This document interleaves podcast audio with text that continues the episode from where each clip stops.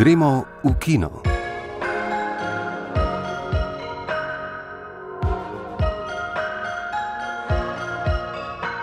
Lepo pozdravljeni vsi, ki imate radi film.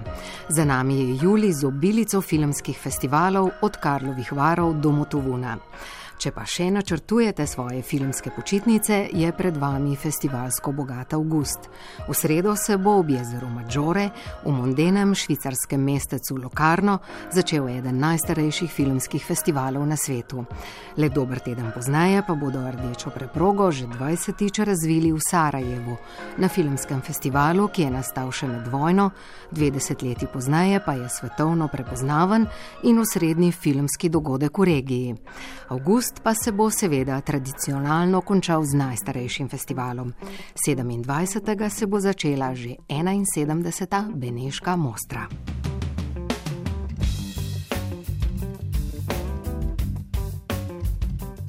Če pa vas festivali ne mikajo, vam te dni ostajajo kinodvorane in filmi pod zvezdami, oziroma letos pod dežniki. Kot seveda vemo, se drame, akcije in mnogi drugi žanri, včasih tudi ljubezenske zgodbe, odvijajo vse povsod. V naslednjih minutah pa vabljeni z nami v svet filmske umetnosti. Slišali boste ocene treh filmov: Islandske globine, holivudskega Herkula in holivudskih varuhov galaksije. Začeli pa bomo v Istri, ki je bila zadnje tedne povsem filmska, z motovunom in puljem.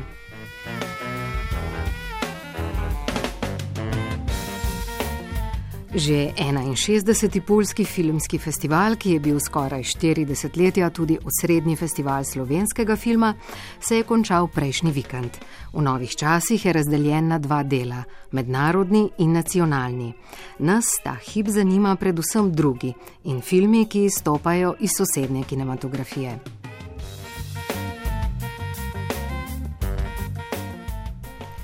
Zemira Pečovnik, lepo pozdravljena. Kaj je letos bolj vplivalo na podobo festivala, vreme ali novo vodstvo? Se mi zdi, da kar vreme, bilo je zelo spremenljivo. Dež je nenehno grozil, zares ni nikoli padalo, a to je bilo dovolj, da so morali nekaj projekcij predstaviti in tudi slavnostno podelitev nagrad v soboto 26. ki bi morala biti seveda v areni, je bila potem v predvsej manjšem istrskem narodnem gledališču. Bili so razočarani vsi, Namreč kazalo je na dež, vse se je stemnilo, bliskalo se je, potem sta pa padli dve kapljici dežja, ampak je že bilo prepozno, tako da je bila podelitev tam v gledališču. In kar je bilo za, mlade, za mlado občinstvo najhuje, mlado občinstvo je pa zadnja leta vse bolj množično in tudi organizatorji mu namenjajo kar nekaj programov. Uh, je odpadla projekcija filma Avioni 2 v areni. To so vedno posebni dogodki, ko nekaj tisoč eh, um, otrok gleda in uživa v filmu. Tako da ja, vreme ni bilo naklonjeno.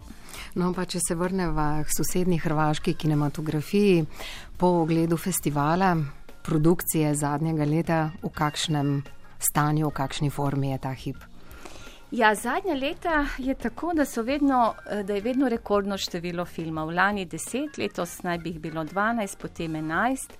Tako da glede eh, tega je bila dobra letina. Ni pa bila v smislu kakovosti, vsebine, režijskih pristopov eh, izjemna. Pravzaprav je, kar, je bilo kar podpoprečno filmsko hrvaško leto. So pa prvič v teh 11 e, filmov šteli celovočernih tudi koprodukcije in dokumentarne filme.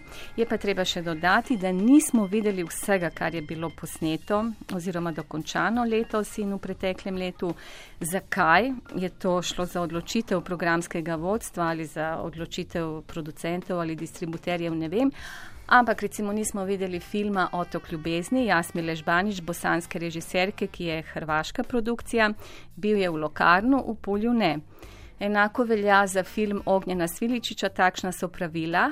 Na tiskovni konferenci v Pulju so nam povedali, da je sprejet v program Beneške mostre, v Horizonte, v Puli ga pa niso prikazali. To so take nenavadne odločitve.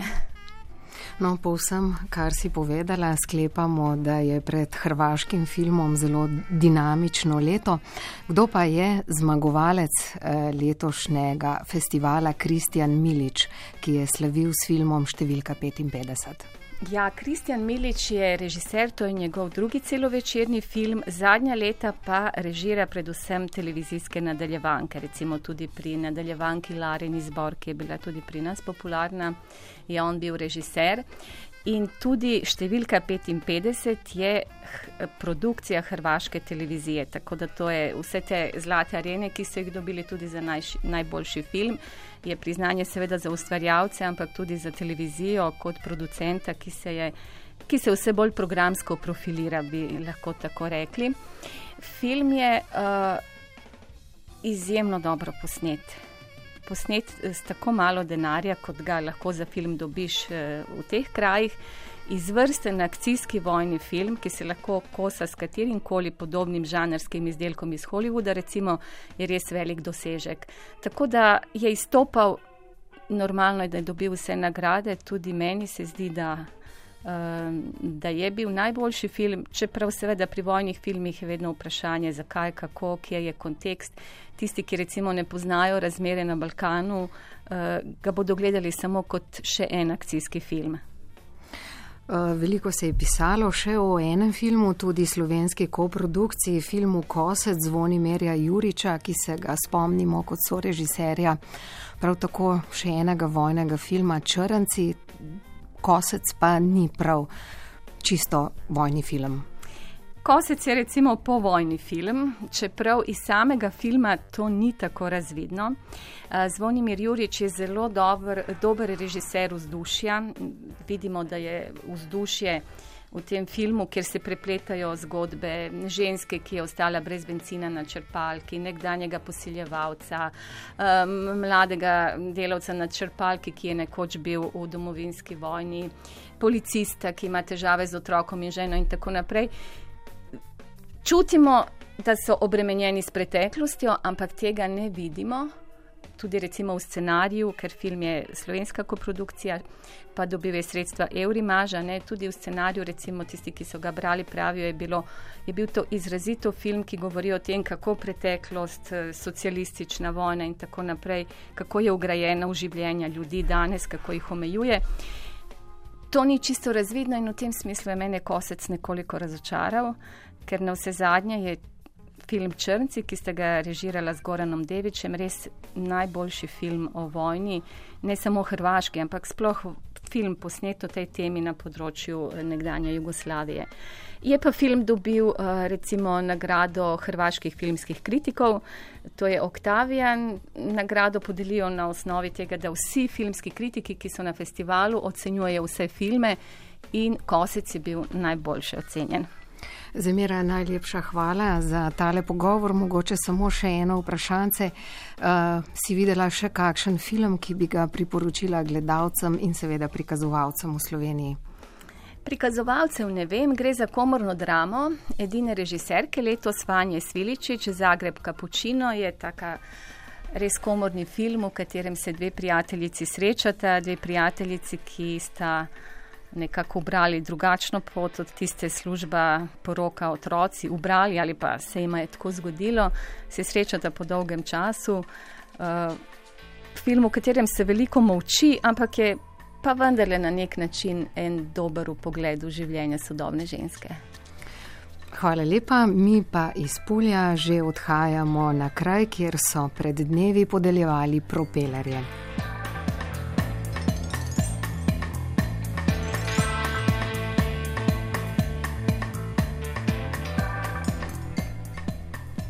Na isti dan, kot so v Pulju izročali arene, se je namreč v bližnjem Tovunu začel 17. filmski festival, na katerega prisega v vseh pogledih mlado občinstvo. Dolga leta je obiskovalec festivala tudi Gora Strušnovec. Njegov pofestivalski zapis, motovunske propelarje so izročali že v sredo, bo prebral Igor Velšen.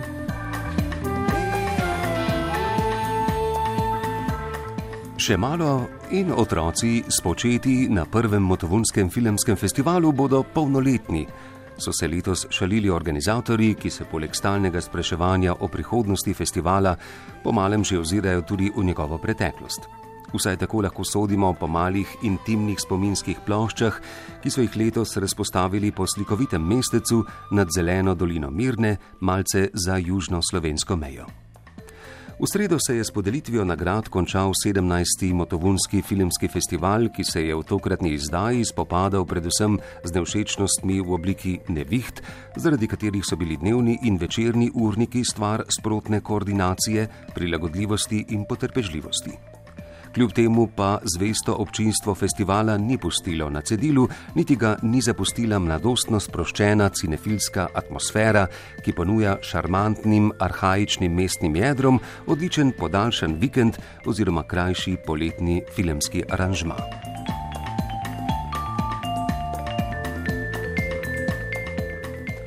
Po uvodni hvali lahko nekaj manjših pritožb usmerimo na program. Osrednja retrospektiva je bila letos posvečena novejši turški kinematografiji, vendar je med avtorji izbranih filmov manjkal Nuri Bilge Džejlan, mednarodno cenjen režiser, ki se zadnja leta podpisuje pod same mojstrovine. A če lahko to njegovo odsotnost razumemo kot selektorsko gesto, v smislu, da je novi turški film še kaj drugega kot zgolj en zaslužni prejemnik glavnih nagrad na najpomembnejših festivalih, pa nekoliko težje razumemo drugi manjko. Namreč nagrado Maverick, ki jo v Motovunu podeljujejo uporniškim in inovativnim režiserjem, je letos prejel Andrej Zvjagincev. Ob tej priložnosti so mu pred prevzemom nagrade in javnim pogovorom z njim prav tako organizirali retrospektivo, v kateri pa ni bilo njegovega zadnjega filma Leviatan, ki je po impresivnem prvencu Vrnitev izpred desetih let njegov najboljši film kar je kljub terminski bližini festivala v Kanu, kjer je dobil nagrado za najboljši scenarij, nekoliko nerazumljivo, saj sta osrednji dve nagradi v Motovunu prejela filma, tako isto predstavljena v Kanu. Preden se jima posvetimo, naj izpostavimo še zadnji primankljaj. Letos smo v Motovunu pogrešili tudi nagrado Bauer, ki je povezovala kinematografijo držav nekdanje Jugoslavije. Glasovanje za te filme je res potekalo v nekoliko zapletenem dvokrožnem postopku, vendar bi težko rekli, da rezultat ni bil relevanten. Zmagovali so tehtni, pomembni filmi, s tem pa je na teži pridobivala tudi sama nagrada. Tako da je res škoda, da se večletni trud zaradi odsotnosti sponzorja praktično izniči in ukine edina nagrada, ki je pokrivala celoten prostor nekdanje Jugoslavije. Glede na to, da se je vzpostavilo sodelovanje Motovunskega in Pulskega festivala, ki je imel nekdaj prav to povezovalno in hkrati tekmovalno vlogo, se bo tudi nagrada morda ponovno utelesila. Pustimo se presenetiti.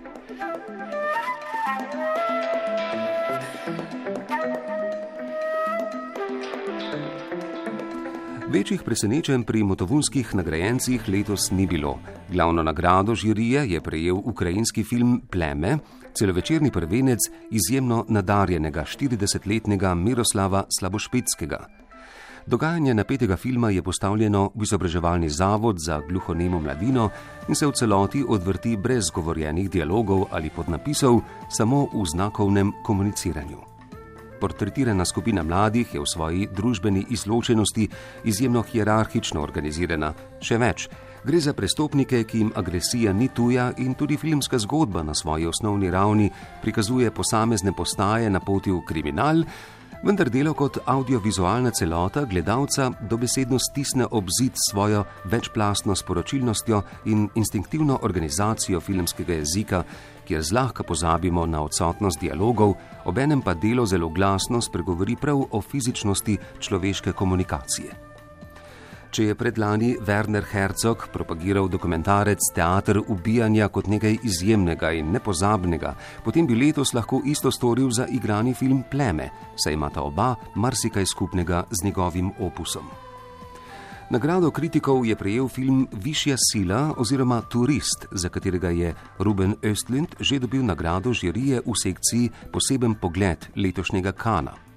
Če se ozremo še na njegov film Igra izpred treh let, potem bi lahko zapisali, da je Estlund švedski Lars von Trier, tako v smislu popolnega obvladovanja filmskega jezika, kot glede kreativnih posegov v značaj in pravila medija, ter ne nazadnje v smislu kombinacije provociranja in globokega upogleda v družbene norme in rituale.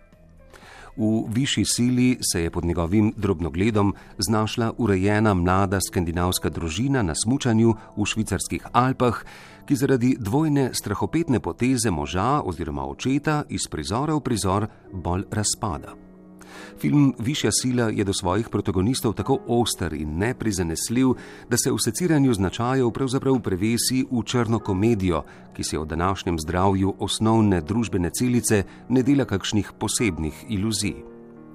Hkrati pa so prav filmi, kakršna sta oba letos v Motovunu nagrajena, na vse zadnje tisti, ki ohranjajo vero v moč medija, tudi pri obiskovalcih, ki se spominjamo še prvega Motovunskega festivala.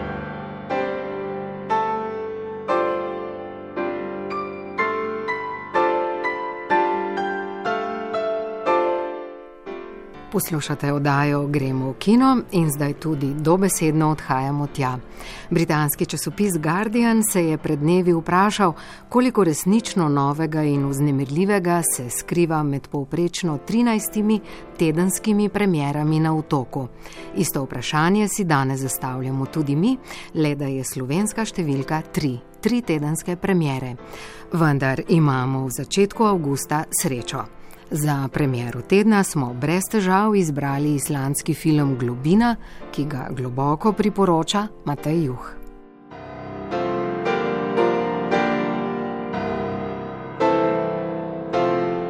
Globina ni najnovejši film vsestranskega islandskega režiserja Baltazarja Kormakurja. Po njem je že posnel ameriško akcijsko kriminalko Dva na muhi z Denzlom Washingtonom in Markom Wahlbergom v glavnih vlogah, V delu pa ima že pustolovsko dramo Everest, znova z vrsto ameriških zvezdnikov, omenimo Kiro Knightley, Robin Wright in Jakea Gyllenhaala. Toda globina je zelo daleč od Hollywooda in ameriške kinematografije sploh. Lahko bi rekel, da gre, tako po vsebini kot režijskem pristopu, za izrazito evropski film v najboljšem pomenu besede. Motiv filma, islandski ribič, ki leta 1984 po šestih urah v vodi čudežno preživi brodolom blizu Vestmanskih otokov ob Islandiji in postane narodni heroj, bi Kormakur prav lahko prikazal hollywoodsko bombastično, vendar je ostal zvest bolj flegmatični naravi islandskega duha in z njo obarval ves film. Globina prav zato ni samo dokument nekega nekoč medijsko razupitega dogodka, ampak žlahtno realističen portret življenja v tem oddaljenem in hladnem kraju, portret drobnih vsakdanjosti, ki na intimni ravni odmevajo veliko globlje kot ta in tej podobne senzacionalne medijske novice. Globina seveda z vso obrtniško spretnostjo režiserja trilerjev prikazuje tako brodolom kot reševanje edinega preživelega, ki ne le da je šest ur plaval do obale v morju, ki je imelo samo pet stopinj, ampak je potem še bos premagal strmo pobočje otoka in poledenelo ognjeniško planjavo, dokler ni dosegel prvih hiš. Izjemno pretanjeno in s pomočjo izvrstnega Olafurja Darija Olafsona v glavni vlogi ribiča Gulija, pa prikazuje tudi vse odtenke tega dogodka na osebni ravni o čem Guli premišljuje, ko plava v morju, tako rekoč v objemu smrti, in je njegova edina družba Galeb, kako niti v tem trenutku ne izgubi smisla za humor. Galebu, na primer, poskuša povedati vic, pa se ga ne more spomniti in se Galebo opraviči. Kako doživlja življenje ob neposrednem pogledu na smrt in kako skrajno nepomembna se mu zdi poznejša začudenost javnosti in znanstvenikov, da je kaj takega sploh preživel. Imenujejo ga človek Tulen, V starih bajeslovnih časih bi najbrž postal junak ali celo božje bitje ob Toru, Odinu in Freji, tako pa je postal sodobni simbol islandske vzdržljivosti.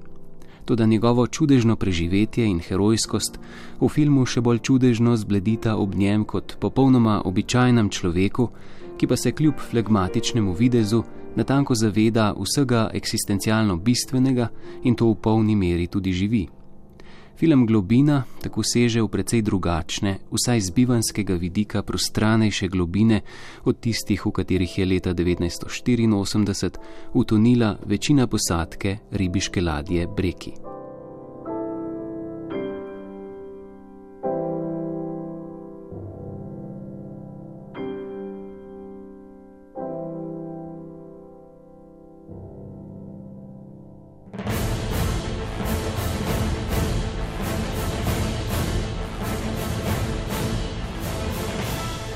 Kot seveda slišite, zdaj odhajamo v Hollywood oziroma v dvorane, ki ponujajo tamkajšno produkcijo.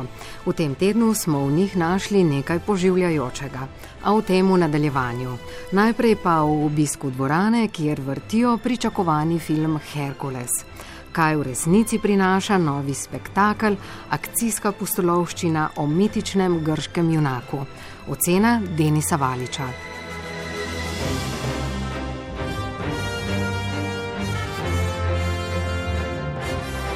Prava poplava zgodovinskih spektaklov, umeščenih v antiko, od spopada in besa titanov do obeh tristotic, ter ne nazadnje še svežih Pompejev, torej pisane zbirke del, ki preigravajo klasični zgodovinsko-kostumski spektakel, pričajo ne le o nekakšnem trendu modernizacije podžanrov, kot sta peplum in filmi mečev in sandalov, pač pa tudi o nekakšnem obujanju mačizma.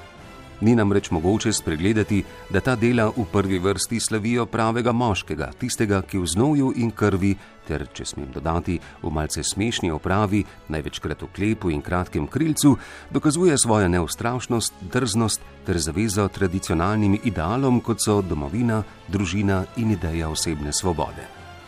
Tako pravzaprav niti ni presenetljivo, da so se samo v zadnjem letu pojavila kar tri dela, ki vsako iz svoje perspektive obdela mit Herkula, tega junaka nadčloveške fizične moči, izjemnega poguma, superiornega intelekta in nezaustavljive spolne privlačnosti, skratka ideala moškosti.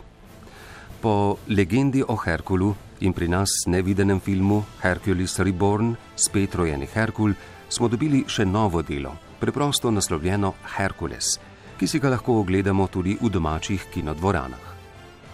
To delo, katerega režiser je Brett Ratner, v njem pa v naslovni vlogi nastopi ena najbolj priljubljenih gmot mišičevja v sodobnem Hollywoodu Dwayne Johnson, se sicer ne nasloni na antični mit, temveč na eno njegovih sodobnih reinterpretacij, tisto iz stripa Herkul Tračanske vojne. Avtor zgodbe je Steve Moore, išel pa je pri založbi Radical Comics, a vsaj v duhu od njega bistveno ne odstopa. No, drugače mislijo ljubitelji omenjenega stripa, ki so glasno pozvali k bojkotu tega stupidnega filma, ki si je primarno zadal, da bo počlovečil ta mitični lik. No, koliko humanega je ustvarjalcev uspelo izbrskati v njem, v tej zgodbi o Herkulu in njegovi skupini nekakšnih antičnih plačancev, kako globoko so pokukali v človeško dušo, Zgovorno pričajo že besede glavnega igralca o tem, kako se je pripravljal na vlogo. Dwayne Johnson je namreč brez zadržkov povedal, da se je med šestmesečnimi pripravami na film, ko se je poskušal stopiti z likom, po 12 ur zadrževal v telovadnici in si pumpal že sicer monumentalno mišičevje. Pravi, da še nikoli ni bil tako pripravljen na kako vlogo, no, vsaj telesno, in kar verjeti mu gre. A film, razen nekaj nehote duhovitih kletvic tipa Bemtiš Kentaure, pravzaprav le ponavlja vse tisto, kar smo videli že v vseh predhodnih filmih tega tipa: prizore skrajnega, brutalnega in visoko stiliziranega nasilja. No, toliko o tem, kaj se je do danes ohranilo od tega antičnega mita.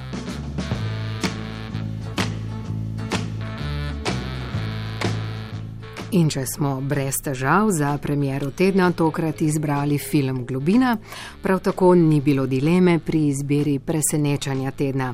Ob najavi premjere Varuhu galaksije smo namreč naveličano zauzdihnili spet stripovski junaki na filmu.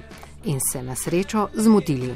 Oceno Gaje Pešel bo prebrala Lucija Grm.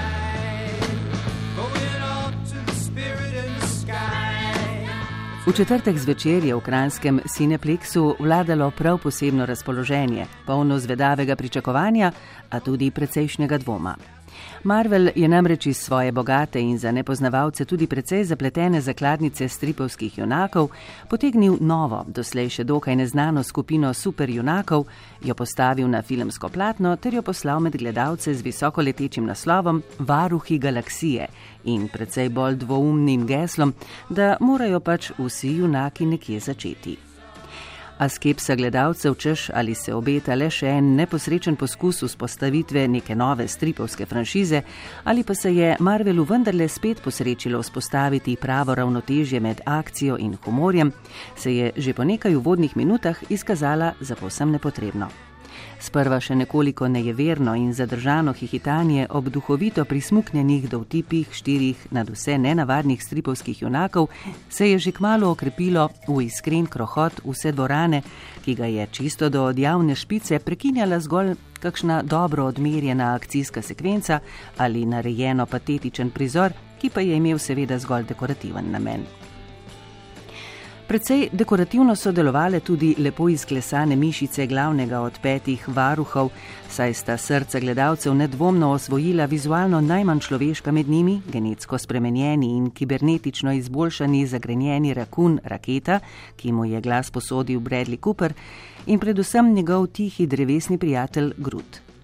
Za sinhronizacijo slednjega se je moral igralec Vin Diesel sicer naučiti le en sam samcat ponavljajoči se stavek, ki pa ob različnih interpretacijah deluje bolj plastično kot marsikateri bolj gostobesedni monolog. V času samega snemanja je moral Vin Diesel stavek menda ponoviti celo več kot tisočkrat. Poleg rakuna in drevesa udarno skupino galaktičnih varuhov sestavljajo še mladi pilot Peter Quill, ki navzven kaže predvsem zanimanje za zabavo in predstavnice nežnejšega spola vseh vesoljskih vrst, v resnici pa hrepeni po družini in prijateljstvu, neusmiljena zelenopolta bojevnica Gomora in ne ravno najinteligentnejši mišičnjak Drex Uničevalec, ki ima velike težave z uporabo pogovornih prispodob in metafor. V njegovo vlogo se je odlično užival rokoborec Dave Bautista. Varuhi galaksije so duhovit in zabaven akcijski film, ki se zaveda, da stripov ni potrebno jemati smrtno resno in to s pridom ter zelo posrečeno tudi izkorišča. In le upamo lahko, da se bodo ustvarjalci tega držali tudi pri že napovedanem nadaljevanju.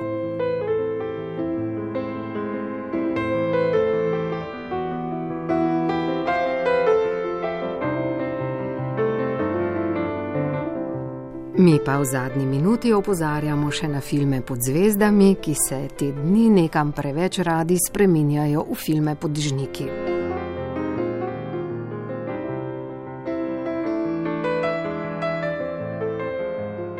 Mogoče bodo kaj več sreče imeli na Ptuju, kjer bo od ponedeljka naprej odprt kino brez stropa. Za uvod bodo na dvorišču Ptujskega gradu zavrteli film Wesa Andersona Grand Budapest Hotel, v naslednjih večerjih še vrsto izstopajočih filmov, vse do neskončne lepote Pavla Sorrentina.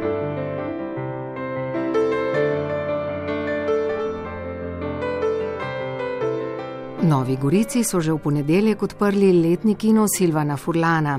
V prvih avgustovskih večerjih pa ponujajo dokumentarec Pravi človek za kapitalizem Dušana Moravca, Paniko Barbare Zemlič in še film Gremo mi po svoje dve Mihe Hočevarja.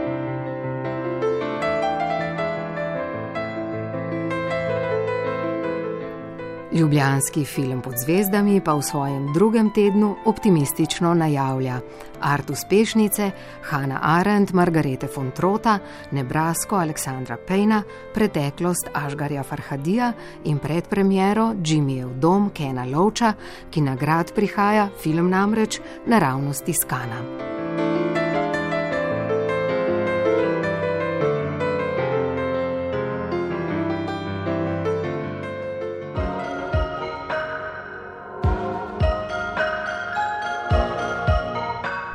Naj vsem sijejo, predvsem zvezde, si danes želimo člani ekipe Gremo v kino. Merta Brlan, Marko Šetinc in Ingrid Kovač Brus.